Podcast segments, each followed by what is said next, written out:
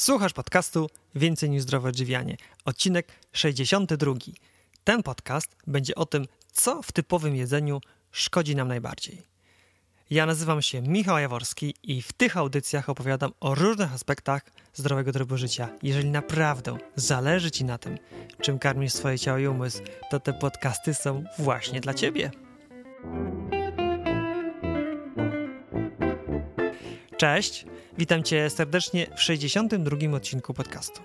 W dzisiejszym nagraniu ponownie zabiorę Cię do Wirtualnej Akademii Zdrowia DGD, w której razem z Grażyną Pająk opowiemy, na co szczególnie zwracać uwagę, jakich produktów wystrzegać się w pierwszej kolejności, aby czuć się lekko, dobrze i minimalizować ryzyko powstawania chorób. Zauważyłem pewną ciekawą tendencję. Z Grażyną rozmawia nam się tak dobrze, że każde nasze kolejne nagranie wychodzi nam coraz dłuższe. Rozmowa, podczas której powstał ten podcast, trwała blisko dwie godziny, dlatego postanowiłem podzielić się na dwa podcasty.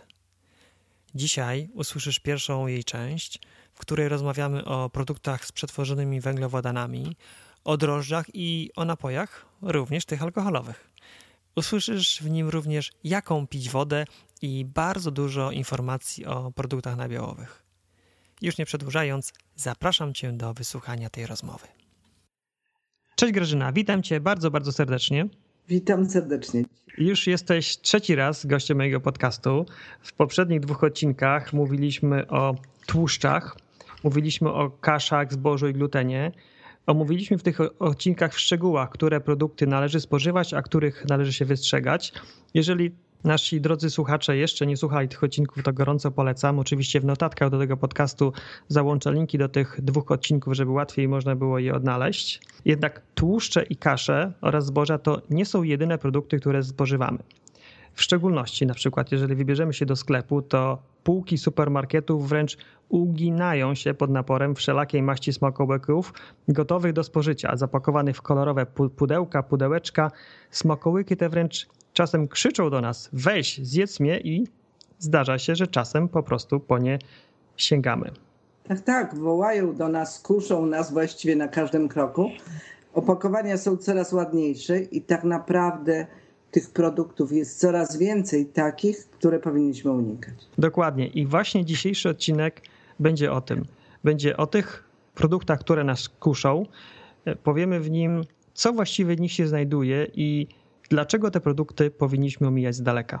Myślę, że tak, że warto zwrócić uwagę jeszcze jako uzupełnienie do zbóż i kasz, y, na jakie węglowodany powinniśmy zwracać uwagę, bo przecież zboża, kasze to też węglowodany, ale tak naprawdę my powinniśmy unikać przetworzonych węglowodanów, czyli wszystkie czekolady, batoniki, cukierki, ciasteczka, sztuczne lody, słodkie desery, mocno rozgotowane makarony czy białe bułeczki to są y, takie produkty, które niestety najbardziej nam się udają we znaki. Y, dodatkowo przecież rafinowany cukier, sacharozę, dekstrozę, glukozę, syrop glukozowo-fruktozowy czy syrop kukurydziany to są produkty, które zagościły w naszej diecie na dobre i właściwie dawniej zjadaliśmy tego cukru znacznie mniej. W tej chwili zjadamy prawie 200% więcej cukru niż zjadali nasi przodkowie w XIX wieku. Dodatkowo przecież syrop glukozowo-fruktozowy jest takim produktem, który mamy wszędzie, więc w latach 70. zjadaliśmy około jednego grama tego cukru. W tej chwili zjadamy 75 gramów. Więc to są takie produkty, które niestety zaburzają nam równowagę, nasilają zakwaszenie organizmu, a dodatkowo jeszcze przez to przyspieszają pracę nerek, przyczyniają się do ucieczki z moczem m.in. wapnia, fosforu, żelaza, cynku, także niestety na te produkty y, powinniśmy zwracać uwagę, żeby ich nie jeść. To nie jest tak, że nie mamy co jeść, bo mamy czekolady na przykład mm, na kakaowcu słodzone małą ilością cukru albo z ksylitolem, ale no niestety nie mogą to być te wszystkie produkty czekoladopodobne, które najczęściej mamy na rynku. Ja tu chciałem się chwilę zatrzymać nad tym syropem glukozowo-fruktozowym, bo o nim coraz częściej się mówi właśnie w takim świetle, że jest gorszy nawet od cukru. Tak. Syrop glukozowo-fruktozowy jest o wiele gorszy od cukru. Y, niszczy nam przewód pokarmowy, ułatwia tycie, y, powoduje skoki poziomu cukru, nasila problemy z cukrzycą. Także y, tak naprawdę powinniśmy go mm, omijać szerokim łukiem, już nie mówiąc o tym, że ułatwia namnażanie grzybów, bo niestety wszystkie węglowodany y, stosowane w nadmiarze, te, które łatwo uwalniają cukier, powodują namnażanie grzybów w naszych jelitach i zresztą nie tylko w jelitach. Zwróćmy uwagę, że jeszcze takim cukrem o którym mówiliśmy co prawda w poprzednim odcinku, ale warto na niego zwrócić uwagę i jeszcze go raz przypomnieć, jest amylopektyna A, czyli cukier, który mamy w pszenicy. Dlatego, że to jest cukier, który znacznie szybciej podwyższa poziom cukru w organizmie niż normalny biały cukier. Więc jeżeli jemy białą, puszystą bułeczkę pszenną, jeszcze z lukrem na wierzchu, z dodatkami powiedzmy jeszcze innymi, to my tych węglowodanów mamy bardzo dużo i nasz organizm nie jest w stanie tak naprawdę tego strawić we właściwy sposób. Mało tego, y, większość tych produktów jest robionych na olejach uniwersalnych, czyli na kwasach tłuszczowych trans. I dodatkowo one jeszcze zaburzają równowagę w organizmie. Także no niestety y, warto kroczek po kroczku przyzwyczaić się do diety, w której jest znacznie mniej węglowodanów. Ja bym chciał jeszcze na chwilę się zatrzymać przy tym syropie glukozowo-fruktozowym, żeby tak to dokładnie zaznaczyć. Co takiego szczególnego w tym syropie jest, że on jest taki zły, że nawet gorszy niż biały cukier?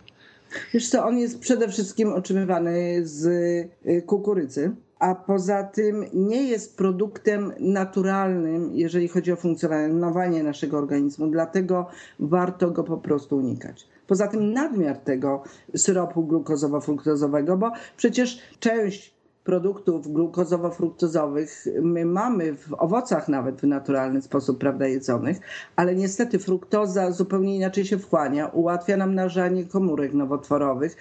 Coraz więcej jest w tej chwili publikacji, które mówią o tym, że niestety tego typu produkt powinien być omijany szerokim łukiem.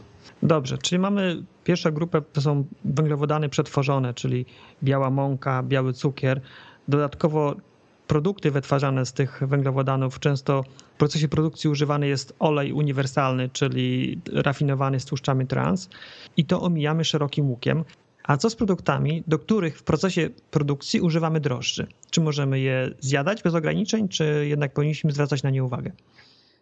Powinniśmy zwracać na nie uwagę, powinniśmy yy, powiedzmy eliminować te produkty, może nie wszystkie, czyli jeżeli mamy dobre pieczywo żytnie przykładowo, do którego damy 1 gram drożdży po to, żeby nam lepiej urosło i dobrze się czujemy po takim pieczywie, nie mamy problemów z kandidą, to my tego typu pieczywo możemy jeść ale jeżeli mamy problemy z kandidą, leczymy ją od dawna, to niestety wtedy musimy wyeliminować drożdże. To tak się łatwo mówi, mamy, nie mamy problemy. A po czym poznać, że mamy problemy z kandidą? Tych objawów jest bardzo dużo, jednak takie pierwsze objawy, które często mogą sugerować, że, że namnożyły się grzyby w nadmiarze, to spękane usta. Często po grypie, po infekcji nagle mamy wargi z takimi pionowymi kreseczkami, jak gdyby. To jest taki pierwszy sygnał, że kandida się troszkę rozpanoszyła w naszych jelitach.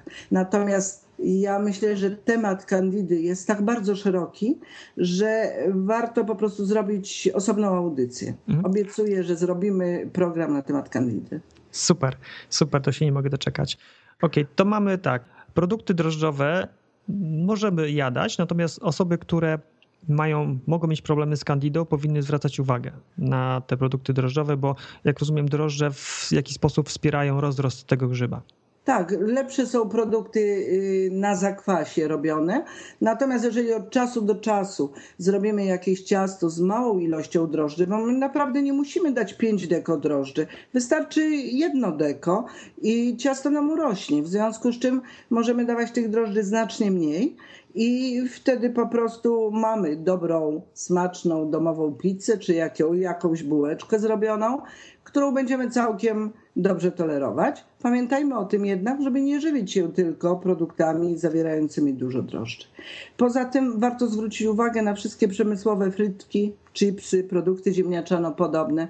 To niestety są produkty, które powinniśmy omijać szerokim łukiem. No nie problem obrać ziemniaki, pokroić je we frytki i upiec na przykład w piekarniku. Tego typu produkt jest dobry, zdrowy, nic się nam po takim produkcie nie będzie działo. Natomiast mm, wszystkie przemysłowe frytki, chipsy, produkty ziemniaczano-podobne to nie są ziemniaki. To są y, najczęściej po prostu, jest to pulpa ziemniaczana, często pokryta jeszcze akroleiną i sprzedawana po prostu jako frytka. Także te produkty, no niestety nie dość, że nie są smaczne, tak jak prawdziwe ziemniaki, to dodatkowo nie są korzystne dla organizmu. Mhm. A co to jest akroleina? Akrolamid jako taki jest to związek, który jest szkodliwy dla naszego organizmu niestety występuje w różnych produktach, w produktach ziemniaczanych, w różnego rodzaju chipsach, frytkach, wszędzie tam, gdzie y, podpiekamy jak gdyby produkty węglowodanowe, czyli nawet różne płatki zbożowe i tak dalej, one wszystkie zawierają akrolamid. Byłam y, bardzo zaskoczona, jak okazało się, że wszystkie produkty kawopodobne mają tego akrolamidu najwięcej. Wszystkie produkty z kawą rozpuszczalną na przykład mają tych związków bardzo dużo. Akrylamid występuje również w wodzie, on się bardzo ładnie rozpuszcza, więc czasem niestety w wodzie też możemy go spotkać i niestety w powietrzu. W powietrzu w tej chwili, przy takim powietrzu jak mamy w miastach, no niestety jest też dostępny i my go wchłaniamy. Powinniśmy go unikać, dlatego że po pierwsze jest to y, duża ilość tego związku w organizmie jest silną neurotoksyną, ale dodatkowo coraz więcej jest badań, które mówią o tym, że nadmiar akrolamidu w organizmie y, powoduje powstawanie różnego rodzaju guzów nowotworowych, więc ułatwia powstawanie komórek nowotworowych. Mówi się o tym coraz częściej w tej chwili na konferencjach i dlatego tam, gdzie nie musimy, nie jedzmy przypalonych rzeczy. Nie jedzmy właśnie tych mocno spieczonych skórek, powiedzmy chipsów i innych tego typu produktów. No dobrze, ale w świetle tego, co właśnie teraz powiedziałaś, to nawet te domowe roboty frytki w piekarniku też mają ten akrolamid. Wszystko zależy, czy je spalisz, czy nie. Jeżeli weźmiesz y, frytki, dasz frytki do piekarnika i podpiekasz je w niższej temperaturze, troszkę dłużej, ale w niższej, to one będą zaróżowione, ale nie będą spalone. I wtedy go masz mniej, bo zawsze tam, gdzie masz bardziej spalone te produkty, to y, akrolamidu jest więcej. Dobrze, czyli do jakiej temperatury w miarę bez, bezpiecznie możemy podpiekać, tak już konkretyzując? Wiesz co, ja w ogóle staram się nie przekraczać 100 stopni na co dzień, jak mam czas, a jak nie, to robię to w granicach 120-150 czasami stopni, zwracając uwagę na to, jak się to piecze. Natomiast staram się nie dochodzić do temperatury 180-200 stopni, czasem właśnie podgrzewając różne rzeczy w piekarniku czy piekąc mięso. Mm, no dobrze, a jak pieczesz chlebek, to w jakiej temperaturze? No chleb piekę w temperaturze 180 stopni, mhm. ale piekę go 45 minut, więc w tej temperaturze on się nie pali, nie robi się powiedzmy ciemny, on jest, ładnie skórka jest spieczona, ale nie yy, przypalona. Dobrze, rozumiem. Czyli lepiej piec w niższej temperaturze, ale przez dłuższy okres czasu 120-150 stopni jest w miarę bezpiecznie. Tak to już mamy akrolamidy omówione. Tak teraz w myślach patrzę na półki sklepowe i właśnie mój wzrok się zatrzymał na słodzonych napojach. No właśnie, dokładnie o tym samym chciałam powiedzieć. Warto zwrócić uwagę na wszystkie niestety słodzone, smakowe, kolorowe napoje gazowane. Tego typu produktów powinniśmy w ogóle unikać, co nie znaczy, że nie mamy tego typu produktów pić, ale zrobionych troszkę inaczej. Czyli w momencie, kiedy mamy dobrą wodę, źródlaną, nawet wodę gazowaną, jeżeli do niej dodamy sok albo wyciśniętą cytrynę, posłodzimy tego typu wodę przykładowo ksylitolem delikatnie, mamy bardzo dobry napój, dzieci to bardzo lubią, y, dorośli również i nie musimy wcale pić załóżmy wody cytrynowej, która ma smak zbliżony do naturalnego. Oczywiście posłodzona jest syropem glukozowym albo cukrem. Także to nie jest tak, że my nie mamy tych produktów. My po prostu musimy sięgać po troszkę inne produkty. Oczywiście, że jeżeli od czasu do czasu wypijemy napój gazowany, gdzieś jesteśmy kolorowy, nic się nam nie stanie. Tutaj problem polega na częstości picia tych napoi, a my bardzo często pijemy tego typu napoje, które dodatkowo są jeszcze słodzone aspartamem, a warto pamiętać o tym, że aspartam jest jednym z najbardziej niebezpiecznych słodzików. Jest to produkt, który zawsze przy problemach neurologicznych nasila objawy. Czyli wtedy, kiedy mamy problemy z autyzmem, z ADHD, ze stwardnieniem rozsianym, yy, przykładowo z Parkinsonem. Te wszystkie objawy w organizmie zawsze są potęgowane aspartamem. Ja z własnego doświadczenia wiem, że jeżeli y, pacjent odstawia tego typu produkty, to jego samopoczucie zaczyna się zmieniać już na przestrzeni dwóch, trzech tygodni. Ale to jest w ogóle tragiczne to, co mówisz, bo jak popatrzymy sobie na półki sklepowe, to większość produktów y, typu zero cukru to zawiera aspartam. Tak, większość produktów lajtowych jest y, słodzonych aspartamem. Mhm. Zresztą aspartam jest wszędzie. W tej chwili jest y, dyskusja wśród naukowców, czy aspartam jest zdrowy, czy nie, ponieważ był taki okres, że zaczęto coraz częściej mówić o szkodliwości aspartamu. Pojawił się szereg badań, który w tej chwili obala tą teorię. Ja natomiast z własnego doświadczenia wiem, że y, no niestety przy problemach neurologicznych zawsze aspartam nasila objawy. A badań na temat skutków ubocznych aspartamu naprawdę nie brakuje. Zresztą wystarczy w momencie, kiedy mamy stado mrówek, jesteśmy blisko mrowiska, położyć lizak słodzony aspartamem.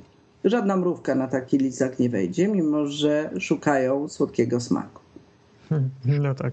Dla nich to już pewnie nie jest słodkie, tylko. One czują intuicyjnie, energetycznie, że nie jest to produkt dla nich, i wtedy pojawia się takie śmieszne zjawisko, bo one chodzą wokół lizaka, ale nie wejdą na niego. Ciekawostka. Można sobie zaeksperymentować. I jeszcze wrócę do tych napojów kolorowych, bo wiadomo, kolorowe napoje to sztuczne barwniki, aromaty, jak również y, syrop glukozowo-fruktozowy, ale chciałbym dopytać o sam gaz, który zawiera napój, albo nawet już sprowadzając to na, na grunt picia wody. Pić gazowaną czy niegazowaną? Czy ta gazowana woda rzeczywiście w jakiś sposób nam szkodzi, czy może nie? Tutaj zdania są podzielone woda naturalnie gazowana, źródlana woda naturalnie gazowana jest najlepsza. Ale jeżeli patrzymy na dwutlenek węgla, który mamy w wodzie gazowanej, mm, on sam w sobie oczywiście nie jest korzystny i w nadmiarze w momencie, kiedy pijemy na okrągło wody gazowane, będzie nam drażnił i śluzówkę przewodu pokarmowego i ułatwiał zakwaszenie organizmu.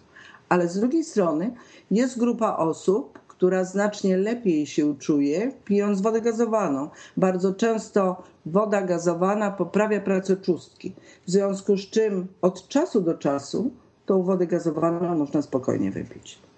Dobrze.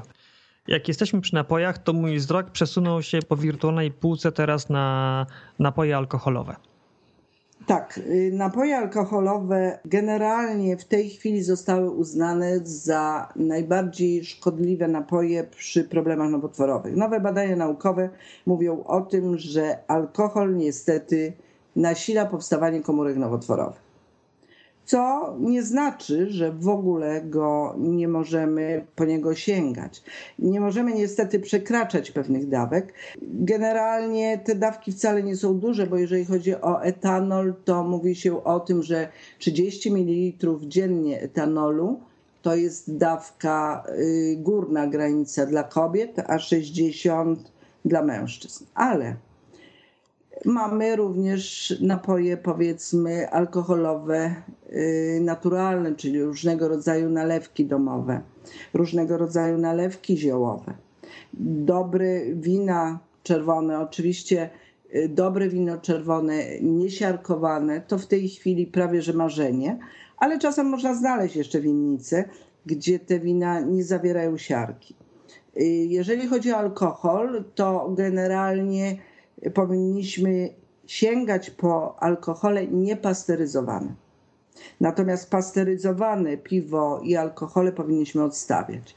Niepasteryzowane piwo często jest bardzo korzystne dla organizmu, ponieważ zawiera różnego rodzaju fermenty i poprawia funkcjonowanie y, naszych jelit, y, ułatwia nam nażanie właściwych bakterii pod jednym warunkiem, że jest to jedno piwko, a nie kilka piwek w ciągu dnia, prawda?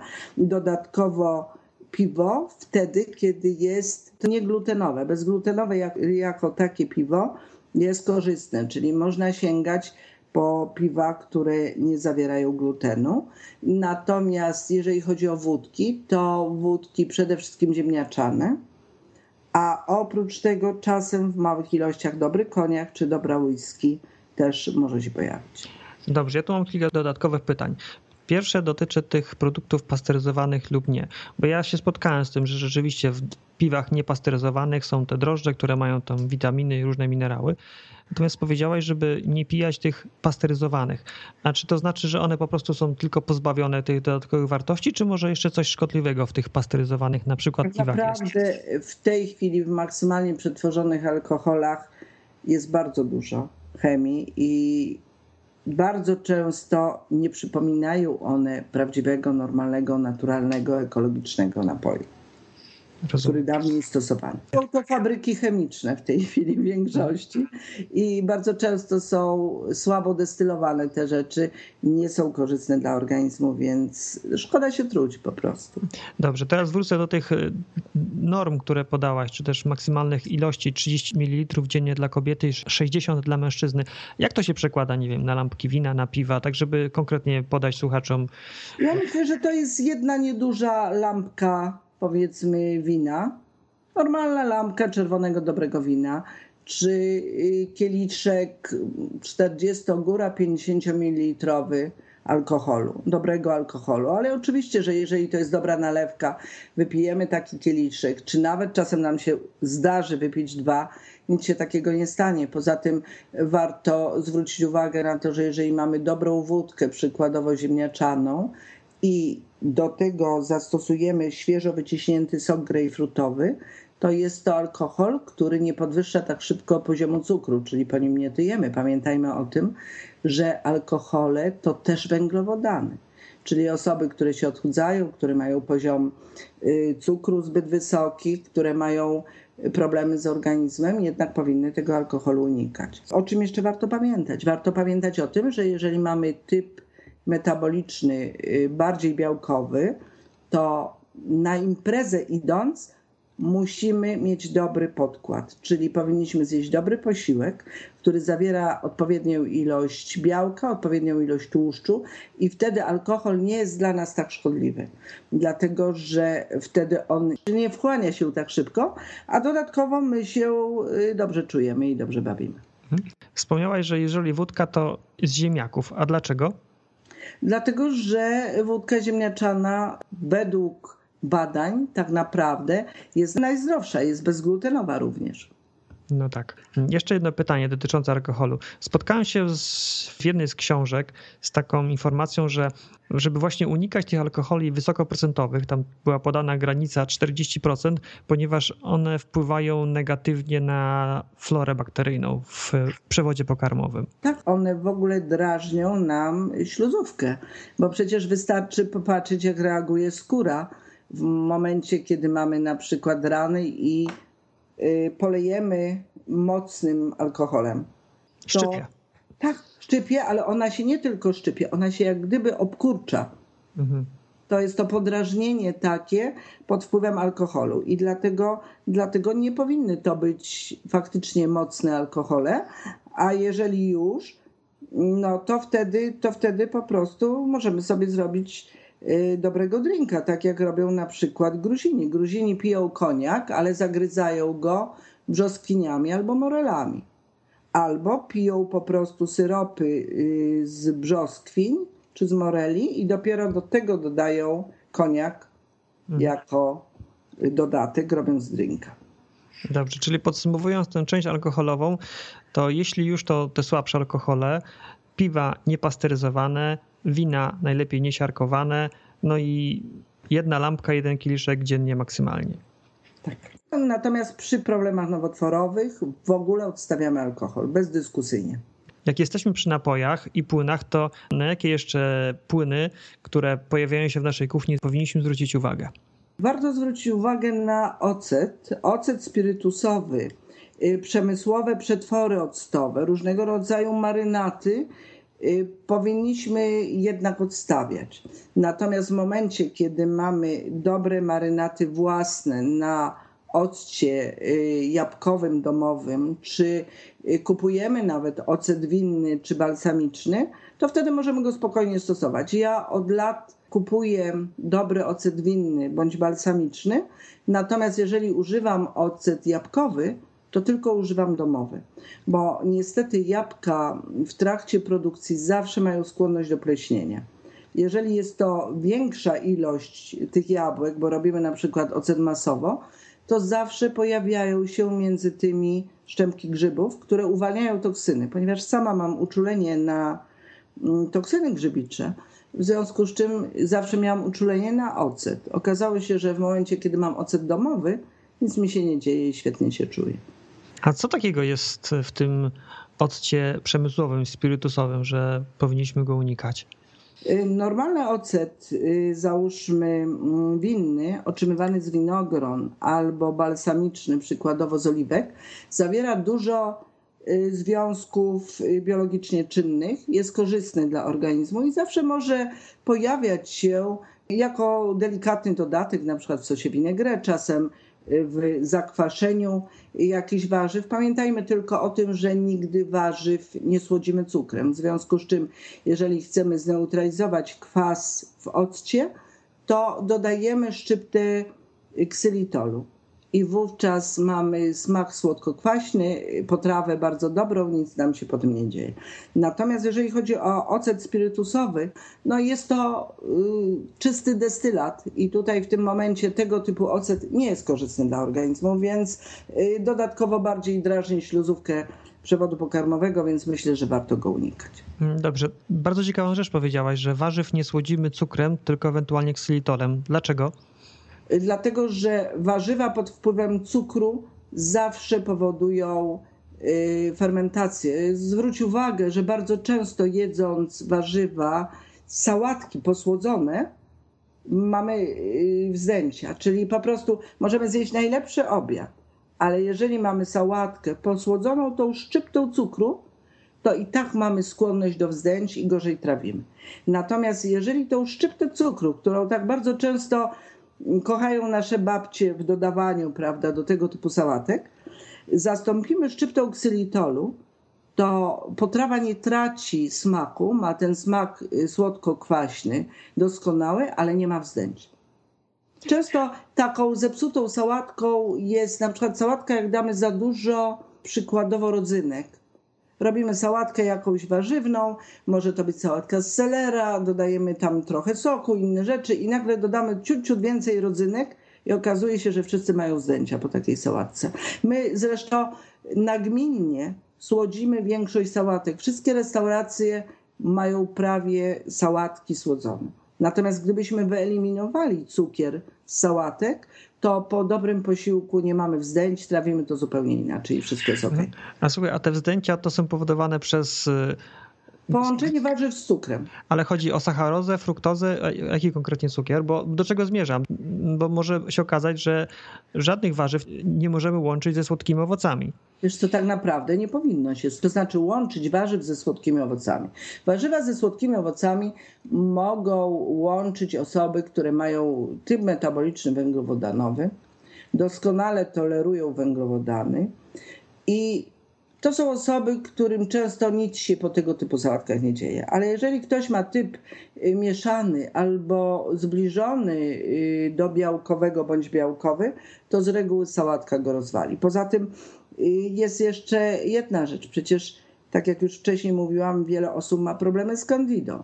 Jeżeli my posłodzimy taką sałatkę, to będziemy mieć problemy. I często te osoby niechętnie jedzą różnego rodzaju warzywa, bo uważają, że się źle czują.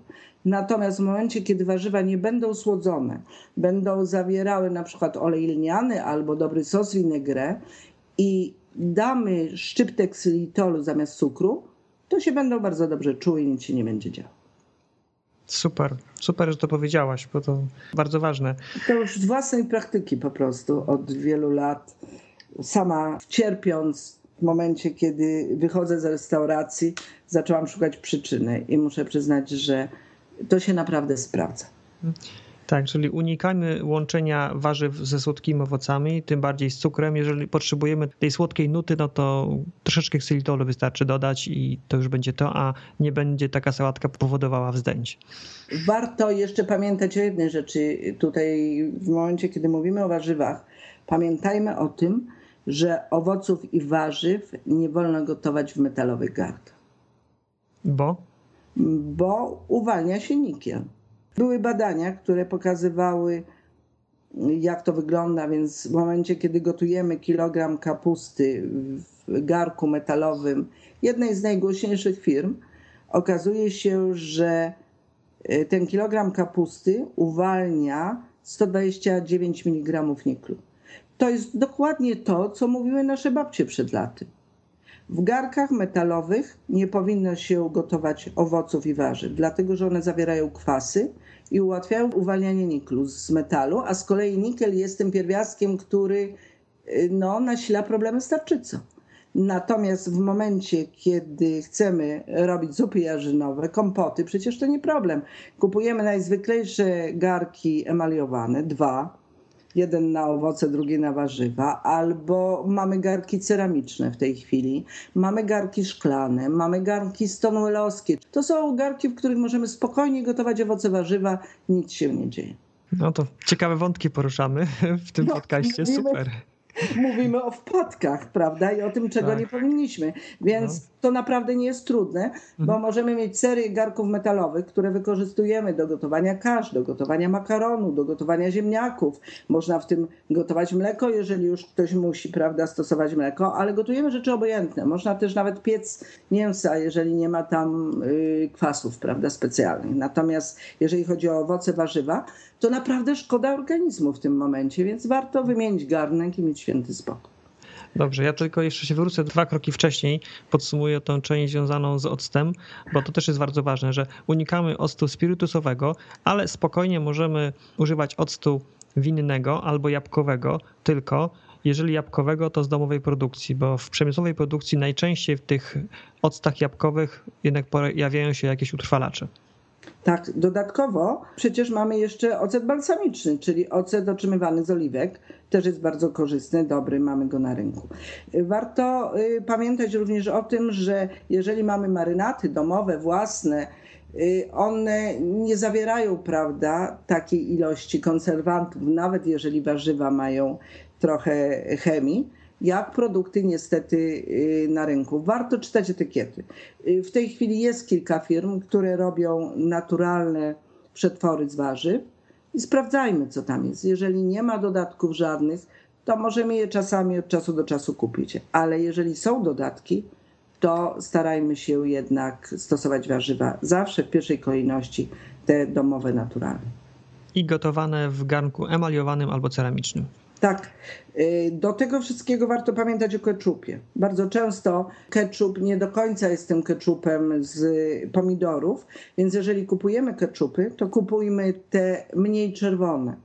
Y, keczupy takie pięknie czerwone najczęściej są barwione czerwonymi barwnikami, które niestety też są neurotoksynami. Natomiast taki troszkę szarobury ketchup zrobiony przez babcię, czy kupiony nawet w sklepie ze zdrową żywnością, bądź na stoisku ekologicznym w zwykłym sklepie, ale z zaznaczeniem, że nie ma żadnych dodatków, będzie korzystny i wtedy jest wszystko ok. To doskonale widać, jak ktoś sam próbuje takie keczupy robić, bo my robimy jesienią, wtedy jest szczyt pomidorów i rzeczywiście one nie wychodzą tak pięknie czerwone jak te ze sklepu, tylko właśnie takie bardziej szarobure. Są szarobure albo bardziej pomarańczowe, natomiast czerwone są rzadko. Można je oczywiście zabarwić owocami, ale po prostu warto pamiętać o tym, że no niestety normalnie na rynku keczupy są barwione czerwonymi barwnikami różnymi. Mhm. Na co jeszcze warto zwrócić uwagę? Oczywiście produkty mleczne. Właśnie. I tutaj w tym momencie y, pierwszy produkt, którego powinniśmy unikać, to mleko UHT.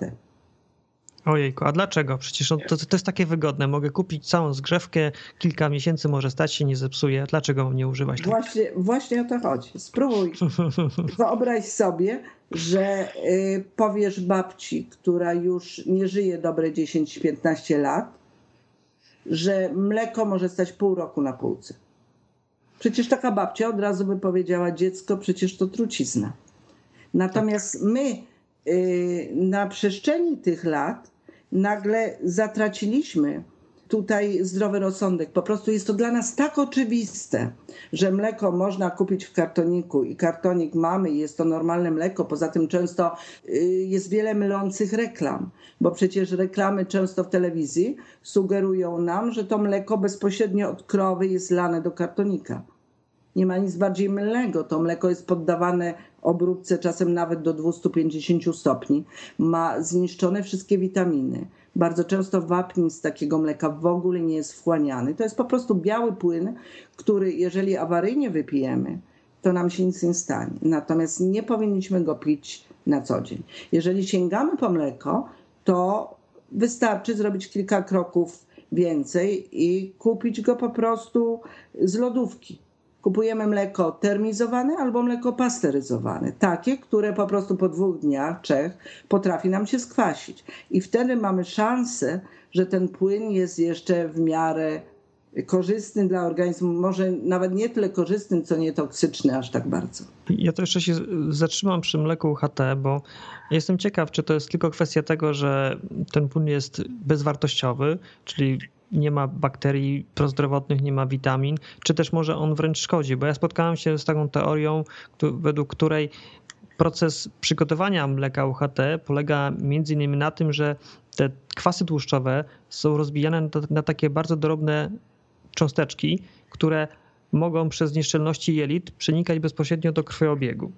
Tak, w ogóle homogenizowane produkty są rozdrabniane tak bardzo, że często przenikają przez nieszczelności jeli do krwiobiegu, nasilając zresztą problemy z trzustką dlatego że jednym z głównych czynników cukrzycy na świecie jest między innymi nadmiar mleka w diecie i w tym momencie zespół nieszczelnych jelit, bo w momencie, kiedy mamy nieszczelne jelita, a pijemy sporo słodkiego mleka, to cząsteczki mleka przenikając do krwiobiegu, wyzwalają powstawanie przeciwcia.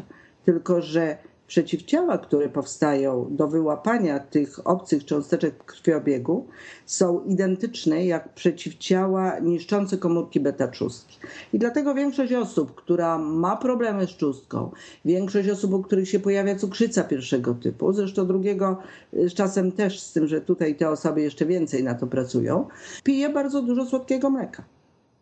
A zwróć uwagę, że mamy słodkie mleko nie tylko w produktach mlecznych, które kupujemy, bo my często mamy mleko w proszku dodawane do przeróżnych produktów, często nawet do chleba, już nie mówię o słodyczach i wszystkich y, różnego rodzaju deserkach, które są taką radosną twórczością. Ja zaraz cię zapytam o mleko proszką, tam jest, jeszcze chciałbym się zatrzymać przy tym mleku, żeby już tak domknąć ten wątek. Czyli tak, nie pijemy mleka UHT, możemy pić mleko pasteryzowane lub termizowane.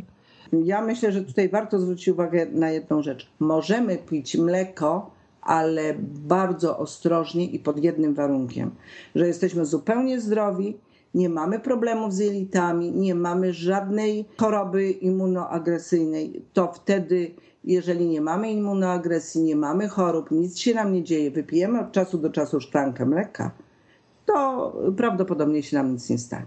Natomiast jeżeli mamy problemy z alergią, z astmą, mamy problemy w ogóle z przewodem pokarmowym, problemy ze stawami, różnego rodzaju problemy z immunoagresją, to ja w pierwszej kolejności odstawiłabym każdą cząsteczkę słodkiego mleka.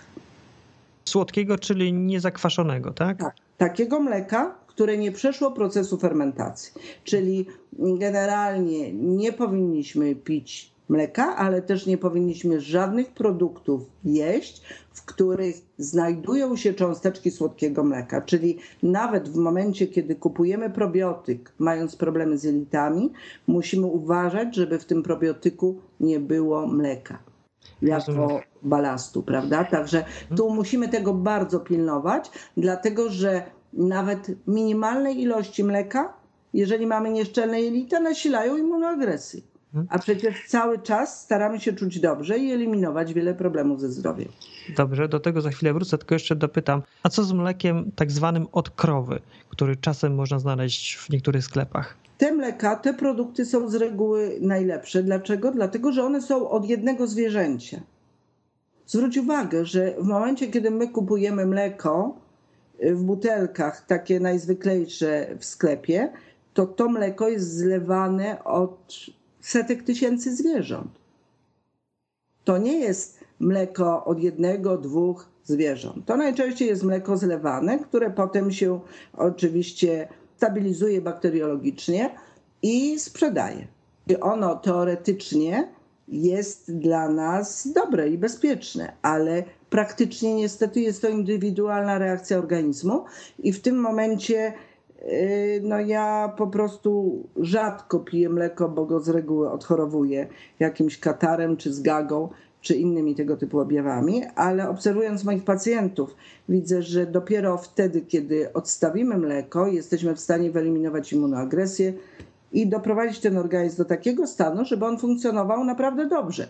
To nie znaczy, że nigdy nie możemy na przykład wypić mleka, ale jeżeli my wyeliminujemy mleko na pewien okres czasu, uszczelnimy jelita, zregenerujemy organizm, to wtedy powiedzmy ta reakcja po wypiciu szklanki mleka będzie zupełnie inna niż wtedy, kiedy mamy jelita po prostu obciążone mocno i różnego rodzaju problemy. Mhm. Co takiego się dzieje podczas zakwaszania mleka, że ono przestaje być takie w cudzysłowie toksyczne i jest lepiej tolerowane przez organizm? Y, bakterie kwasu mlekowego po prostu powodują, że po pierwsze mamy znacznie mniej laktozy jako takiej, bo y, laktoza wtedy przechodzi przemiany, a dodatkowo kazeina też zupełnie inaczej działa na nasz organizm. My często myśląc o mleku, myślimy tylko o laktozie, czyli praktycznie o cukrze mlecznym. Natomiast bardzo często jeszcze drażni nas kazeina. A oprócz tego nie tylko białko mleka jako takie nas drażni, ale właśnie czasem Mleko samo w sobie by było dobre dla nas, gdyby nie to, że mamy te jelita nieszczelne. I w momencie, kiedy mamy na przykład takie jelito, jak trochę sprany materiał, kiedy jesteśmy przykładowo po jakiejś antybiotykoterapii, czy pozażywaliśmy trochę sterydów, czy w ogóle zatruliśmy się czymś, zwróć uwagę, że bardzo często po jakichś infekcjach zaczynają się problemy ze zdrowiem. A najczęściej dlatego, że infekcje bakteryjne w przewodzie pokarmowym plus leki, które zastosowaliśmy, infekcja jako taka plus leki, y, na pewien okres czasu niszczy nam te jelita, rozszczelnia. Wówczas właśnie wiele produktów, które wcześniej nawet tolerowaliśmy, jest dla nas szkodliwe. I dlatego tu w pierwszej kolejności zwracamy uwagę na mleko. Mhm to nie znaczy, że nie możemy mleka w ogóle, bo jeżeli się na przykład dobrze czujemy po mleku, to możemy sięgać po mleko przefermentowane, czyli dobre, kwaśne mleko. Ale jakie? Po pierwsze, jeżeli wchodzimy do sklepu, to kupujemy tylko takie mleko, które ma, zawiera mleko i kultury bakterii. Wszystkie inne dodatki, obojętne, czy są to białka mleka, czy jest to mleko w proszku, czy jest to guma guar, czy jest to olej, czy to są to inne rzeczy, one są niepotrzebne. I tak naprawdę powinniśmy ich unikać. Najlepsze oczywiście jest mleko, które sobie zrobimy sami w domu. Czyli w momencie, kiedy kupimy mleko takie, które się kwasi, dodamy do niego kubek normalnego jogurtu czy zsiadłego mleka, to po jednym, dwóch dniach mamy bardzo dobre siadłe mleko własne i wtedy y, możemy go wypić. Jeżeli okazuje się, że po nabiale surowym w ogóle się źle czujemy, to wtedy nie stosujemy tego nabiału pod postacią kwaśnego mleka, tylko stosujemy go pod postacią świeżego twarożku, który sobie zgrzejemy. I taki świeży twarożek z reguły nikomu nie szkodzi. Aha, czyli świeży twarożek jest lepiej tolerowany niż zsiadłe mleko. To znaczy w ogóle przetworzone termicznie produkty nabiałowe są o wiele lepiej tolerowane niż surowe. Z tym, że jeżeli przetwarzamy termicznie produkty w wyższych temperaturach, to niszczymy nasze korzystne bakterie, które są zawarte prawda, w takim mleku. Ale jeżeli weźmiemy litr na przykład kwaśnego mleka, damy go do garka. Ten garnek damy do drugiego garka z wrzątkiem. Y, pogotujemy dosłownie jedną minutę po to, żeby się zagrzał garnek, zamieszamy i odstawimy, zostawimy pod przykryciem y, te płyny, to po, y, powiedzmy po jakimś czasie, po pół godzinie, po godzinie mamy zgrzany ser. Czyli mamy bardzo dobry twarożek i serwatkę. Jeżeli przelejemy to przez sitko albo materiał, w tej chwili są bardzo dobre sitka do różnego rodzaju serów, mamy świetny twarożek i mamy doskonałą serwatkę. Jeżeli y, serwatkę sobie zlejemy, zostawimy do drugiego dnia, ona jest jeszcze bardziej kwaśna, można oczywiście z niej zrobić żurek krakowski, można dodać do zupy, można wypić sam, można zresztą wypić taki, taką świeżą serwatkę też, jeżeli ktoś lubi. Natomiast twarożek jest świeży, dotąd dobry, dopóki jest na sitku. Jeżeli go damy do lodówki, to już wtedy flora bakteryjna nam się zmienia i jak jesteśmy wrażliwi na nabiał, to nie powinniśmy jadać wtedy takiego sera już na surowo. Czyli bierzemy na przykład twarożek, masło sklarowane, rozgrzewamy, robimy albo, albo robimy racuchy, albo sobie robimy jakieś kluseczki, albo na przykład możemy zrobić jajecznicę. Tych sposobów jest dużo, z tym, że nie stosujemy go wtedy na surowo. Natomiast na surowo świeży twarożek, taki, który jest na sitku przez tą pierwszą dobę, jest korzystny i właściwie prawie wszyscy go świetnie tolerują. Rozumiem. Warto również zwrócić uwagę na sery, które kupujemy, dlatego że zwróć uwagę, w tej chwili idziemy do sklepu i tak naprawdę mamy 50 różnych produktów, czasem więcej, i nie wiemy, co wybrać, bo tych serów jest mnóstwo, bo mamy przeróżne serki topione, bo mamy przeróżne sery żółte i tutaj y, właściwie stoimy często zdezorientowani, które naprawdę produkty będą najlepsze. W momencie, kiedy wybieramy produkty nabiałowe, to po pierwsze może to być dobry biały ser osełkowy, może to być krajanka dobra, jeżeli się dobrze po takich serach czujemy, a jeżeli nie możemy ich jeść, to wtedy możemy je jeść właśnie przetworzone czyli albo w dobrym serniku, w którym nie ma cukru, tylko jest ksylitol, jest masło sklarowane, są jajka. Zamiast rodzynek dajemy owoce, które mają mało cukru i wtedy po takim serniku nic się nam nie dzieje. Albo robimy różnego rodzaju wypieki, gdzie mamy też trochę sera. Ostatnio mm, próbowałam zrobić paluszki z mąki, paluchy właściwie z mąki gryczanej i zamrożonego białego sera połączeniu z jajkiem świetnie wychodzą. Są chrupiące, świetne i zamian właściwie puszystych białych bułeczek zastępują ten smak. Także sposobów jest dużo. To nie jest tak, że my jesteśmy tacy bezbronni. My tylko sięgamy po prostu po niewłaściwe do końca produkty, bo jeżeli weźmiemy mm, produkty, które zawierają biel tymową, które zawierają często silikon i są reklamowane jako wspaniałe produkty jogurtowe dla dzieci, to nie są produkty dla dzieci. Jeżeli weźmiemy kwaśne mleko, y, jogurt, kefir, zwykły, siadły, przefermentowany, nawet kupiony w sklepie, ale właśnie taki, w którym mamy mleko i bakterie, dodamy do tego łyżeczkę oleju lnianego, damy sobie owoce jagodowe, y, posłodzimy ksylitolem, to po takim jogurcie wszyscy się czują świetnie. Nie ma wzdęć, dzieci się czują doskonale. Można je zmiksować, zrobić świetny jogurt. Można dodać powidła, ale takie, w których y, nie ma cukru, więc dobre na przykład śliwkowe powidła, które sobie zrobiliśmy, możemy dodać, czy inne owoce jagodowe. Tych sposobów jest naprawdę dużo. Dzieci do takich produktów się przyzwyczajają i czują się zupełnie inaczej. Z tego, co mówisz, to wnioskuję, że jeśli chodzi o produkty nabiałowe to jest podobnie jak z warzywami. Nie można ich łączyć z cukrem, bo wtedy mogą powodować na przykład wzdęcia. Nie powinniśmy ich łączyć z cukrem, dlatego że generalnie białko i cukier zawsze będzie powodowało problemy, zwłaszcza oczyszczony cukier, bo zwróć uwagę, że jeżeli na przykład zrobimy sernik, do którego damy więcej tłuszczu, mamy jajka i damy odrobinę cukru, ale dosłownie symbolicznie i nieoczyszczonego. Może to być cukier y, kokosowy, może to być cukier trzcinowy. Y, dosłownie jedną, dwie łyżki, a do tego dodamy ksylitol. Musimy tylko pamiętać o tym, że ksylitolu zawsze dajemy o połowę mniej albo no górę jedną trzecią tego wszystkiego, wtedy nie ma problemu, słodki jest smak, ale możemy na przykład dodać jeszcze przykładowo czasem mąkę kokosową, czy dodać y, banany, zależy co robimy.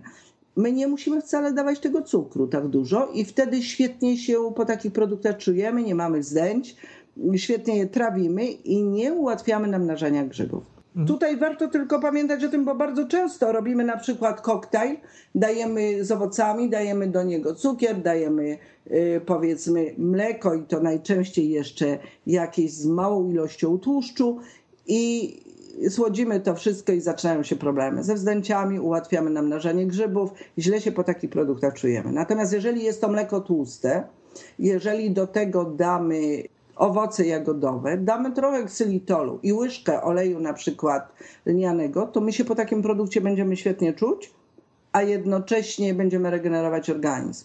Warto y, pamiętać o tym, że y, no niestety słodzenie nabiału nie jest korzystne. Również nie jest korzystne dodawanie owoców cytrusowych jogurty, nie, mleko kwaśne nie lubi owoców cytrusowych. Jeżeli damy za dużo, powiedzmy, pomarańczy, grejpfruta albo cytryny, też po takim produkcie będziemy się źle czuć. Pamiętajmy również o tym, że to nie mogą być lajty. My, u nas wciąż pokutuje przekonanie, że tłuszcz jest szkodliwy. On owszem, jest szkodliwy, ale wtedy, kiedy jest niewłaściwy. Czyli wtedy, kiedy mamy produkty, mm, oleje różnego rodzaju, y, wielokrotnego tłoczenia, kiedy mamy te oleje przetwarzane, kiedy mamy tłuszcz przesmażony, tak. Natomiast tłuszcz mleczny zawsze był najlepszym tłuszczem do regeneracji organizmu.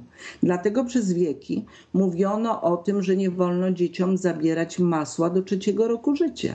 Jeżeli to jest prawdziwe masło, to młodzież też powinna mieć takie masło. My nie będziemy tyli w momencie, kiedy mamy produkt dwuprocentowy, załóżmy mleko, albo mleko, w którym jest 2,5-3% tłuszczu. Tak naprawdę powinniśmy sięgać po te produkty, w których jest minimum 2,5% do 3,2% tłuszczu, dlatego że one nie mają wtedy dodawanego mleka w proszku, bo nie reguluje się ciężaru właściwego mlekiem w proszku. Natomiast zabranie tłuszczu, tego cennego tłuszczu mlecznego, powoduje, że my potem mamy niedobory nasyconych kwasów tłuszczowych, tych, które regenerują błony komórkowe i właśnie to masło. Bo samo masło sklarowane jako masło, ten tłuszcz mleczny, nie podwyższa poziomu cholesterolu. I o tym musimy pamiętać. Tego się nie możemy bać. Dobrze, i dlatego do, zarówno do tych sałatek warzywnych, jak i do deserów, które będziemy robić na bazie dobrego nabiału dodajemy tłuszcz. Tak, dodajemy tłuszcz i tu może być to zwykły olej, ale pamiętajmy o tym, że nie kupujemy na przykład mleka 0%. To teraz jest dobry moment, żeby wrócić do tego mleka w proszku bo ono jest wszechobecne. Nawet zupełnie niedawno, jak byłem z synem kupić jogurt, chcieliśmy kupić taki jogurt grecki, to pierwszy, który chwyciłem, to był po prostu z dodatkiem mleka w proszku. Powiedz, co takiego złego jest z tym mlekiem w proszku, że powinniśmy go unikać? Mleko w proszku zawiera tak zwane oksysterole, czyli po prostu utleniony cholesterol. Mleko poddawane długotrwałej obróbce termicznej, w momencie kiedy jest suszone jako takie, powoduje, że cholesterol się utlenia i zawiera po prostu cząsteczki tego niewłaściwego cholesterolu, który potem odkłada się w naszym organizmie, zaburzając równowagę. Zresztą są dwa takie produkty, które mamy na rynku. Mamy mleko w proszku i mamy susz jajeczny.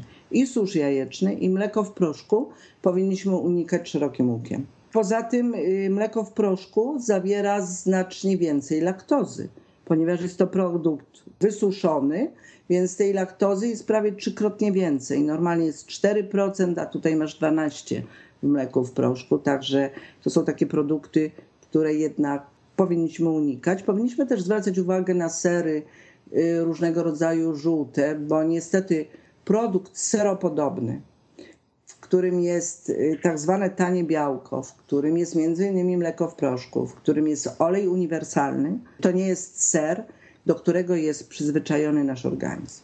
Jeżeli są to sery długo dojrzewające, takie jak były dawniej i takie jak robią niektóre manufaktury, czasem mamy takie włoskie sery też, czy załóżmy hiszpańskie, to tego typu produkt jest korzystny dla organizmu. Ale jeżeli jest to właśnie taki seropodobny produkt, no to niestety bardzo często daje skutki uboczne. Okej, okay, czyli jeżeli sery to takie twarde, długo dojrzewające. Twarde, długo dojrzewające. Powinniśmy unikać również niestety serów pleśniowych. Jeżeli ktoś jest y, miłośnikiem serów pleśniowych i czuje się świetnie od czasu do czasu, zje jakiś tam ser pleśniowy, nie ma problemu. Ale jeżeli mamy problemy z organizmem, to niestety sery pleśniowe idą w odstawkę. A co takiego w tych serach? Rozumiem, że chodzi pewnie o tą pleśń. No niestety pleśń zawiera swoje toksyny, prawda? A z drugiej strony ułatwia potem znowu zaburzenia i kolejne problemy w organizmie. Także no niestety sery pleśniowe, znowu, jeżeli mamy nieszczelne jelita, jeżeli mamy w tych serach toksyny, nasilają objawy, w zależności od tego, co się dzieje. Jeżeli ktoś ma problemy z astmą, to łatwiej się będzie dusił po takim serze. Jeżeli ktoś ma problemy ze stawami i też źle się czuje po nabiale, to jak sobie zje kilka posiłków z serem pleśniowym, te objawy się nasilają. Ja byłam miłośnikiem serów y, pleśniowych w latach 80., 90. i nigdy nie mogłam zrozumieć, dlaczego ja się po nich tak bardzo źle czuję. W ogóle początkowo nie kojarzyłam złego samopoczucia z posiłkiem. Dopiero z czasem, jak zaczęłam obserwować funkcjonowanie własnego organizmu, okazało się, że każdy posiłek z serem pleśniowym nasilał u mnie ataki astmy. I wtedy dopiero zaczęłam na to zwracać uwagę.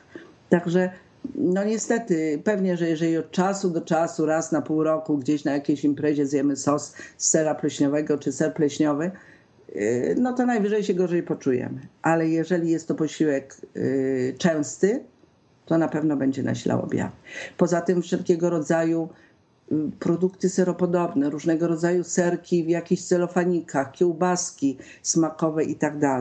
Czytajmy na etykietach, co one zawierają bo wszystkie sery topione tego typu y, też nie są dla naszego organizmu korzystne. To bardzo często mm, są sery y, robione bardzo podobnie jak właśnie produkty seropodobne. Jeżeli sięgamy po dobry ser, to możemy sięgać po normalny biały ser, po sery długo dojrzewające, ale mamy też dobre czasem sery w stylu grane padany, mamy sery y, powiedzmy owcze, mamy dobry parmezan, możemy kupować sery kozie, które mamy w plasterkach albo w klinach. To są takie sery, które nie uczulają, są bardzo smaczne, wcale nie śmierdzą kozą, jak to niektórzy mówią. Y, może mogą to być dobre sery powiedzmy owcze, tylko musimy tutaj uważać, żeby nie były wtedy na bazie krowiego mleka. Mamy też y, dobrą fetę grecką, właściwie jest robiona z mleka owczego i mleka koziego. Ona często ma takie słoneczko, jak gdyby taką pieczątkę żółtą. To jest właśnie certyfikat, który mówi, że produkt jest zrobiony z koziego i owczego mleka.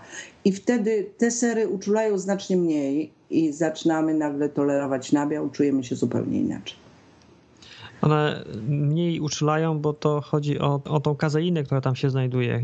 Tak, tak, oczywiście, że chodzi o kazeinę, ale po prostu jeżeli wtedy już nie rozdrabniamy tych produktów na czynniki pierwsze, tylko po prostu w miarę unikamy białego sera, jeżeli biały ser się gdzieś pojawi przetworzony termicznie, a na co dzień stosujemy powiedzmy właśnie sery owcze czy kozie, to my po nich się czujemy bardzo dobrze. Ja jeszcze wprowadziłam jedną zasadę w domu, mianowicie w momencie, kiedy otwieram, jest też bardzo dobra mozzarella bawola, ona jest z bawolego mleka, można ją kupić y, w niektórych sklepach sieciowych bez problemu.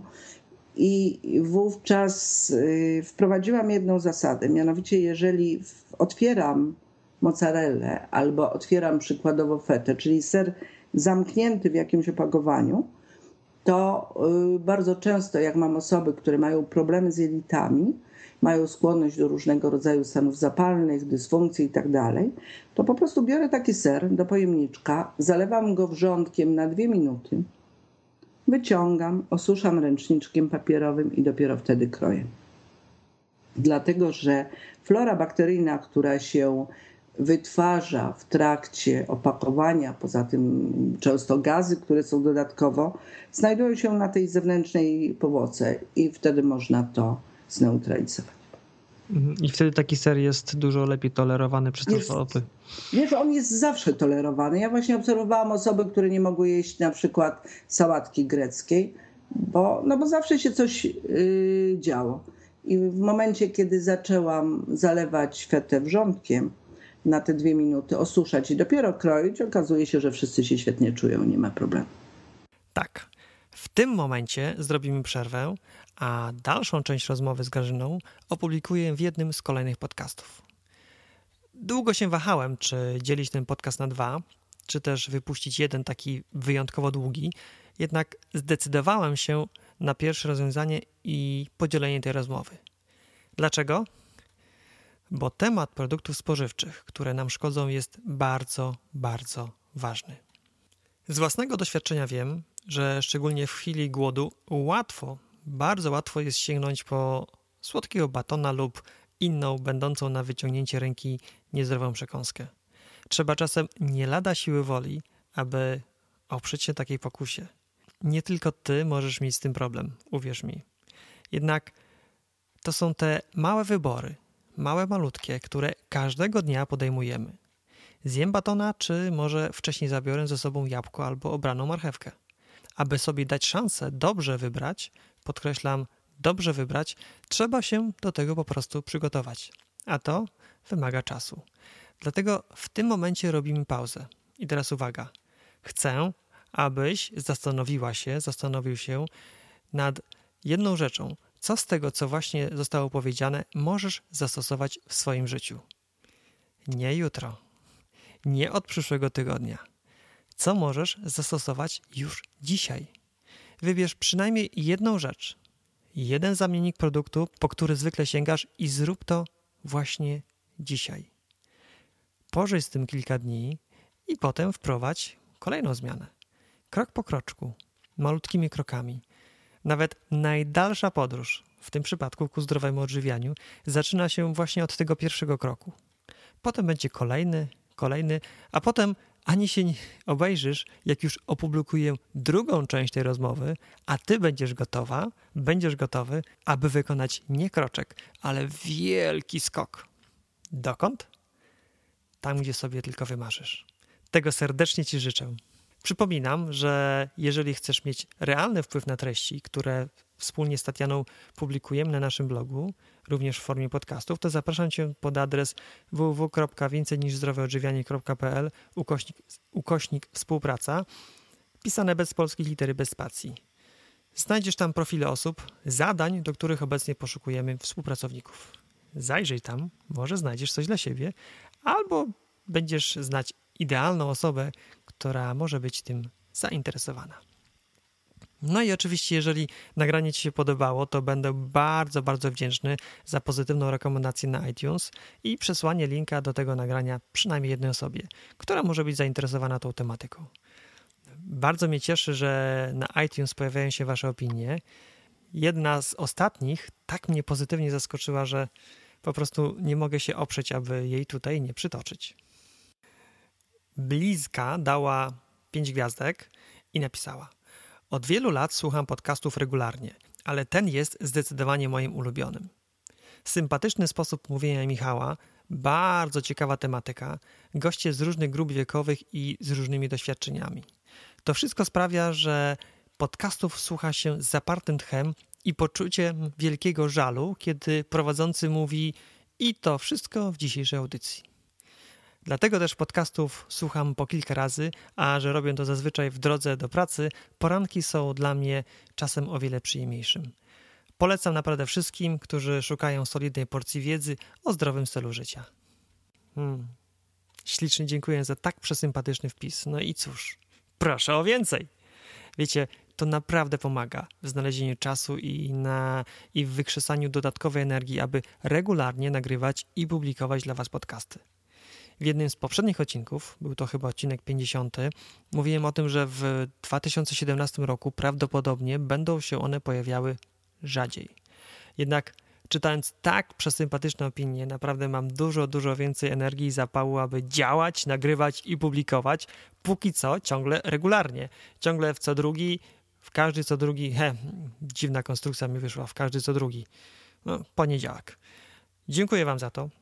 Szczególnie dziękuję osobom, które poświęciły swój czas, aby ocenić i napisać notkę o tym moim podcaście. No tak, idzie wiosna. Ten odcinek jest pierwszym wiosennym odcinkiem w 2017 roku. A jak idzie wiosna, to zwierzęta wychodzą z norek, pożywiają się i szykują do wiosennych amorów. Rośliny przeodziewają swoje najpiękniejsze szaty, aby zwabić owady i dzięki którym będą mogły wydać owoce. A ludzie?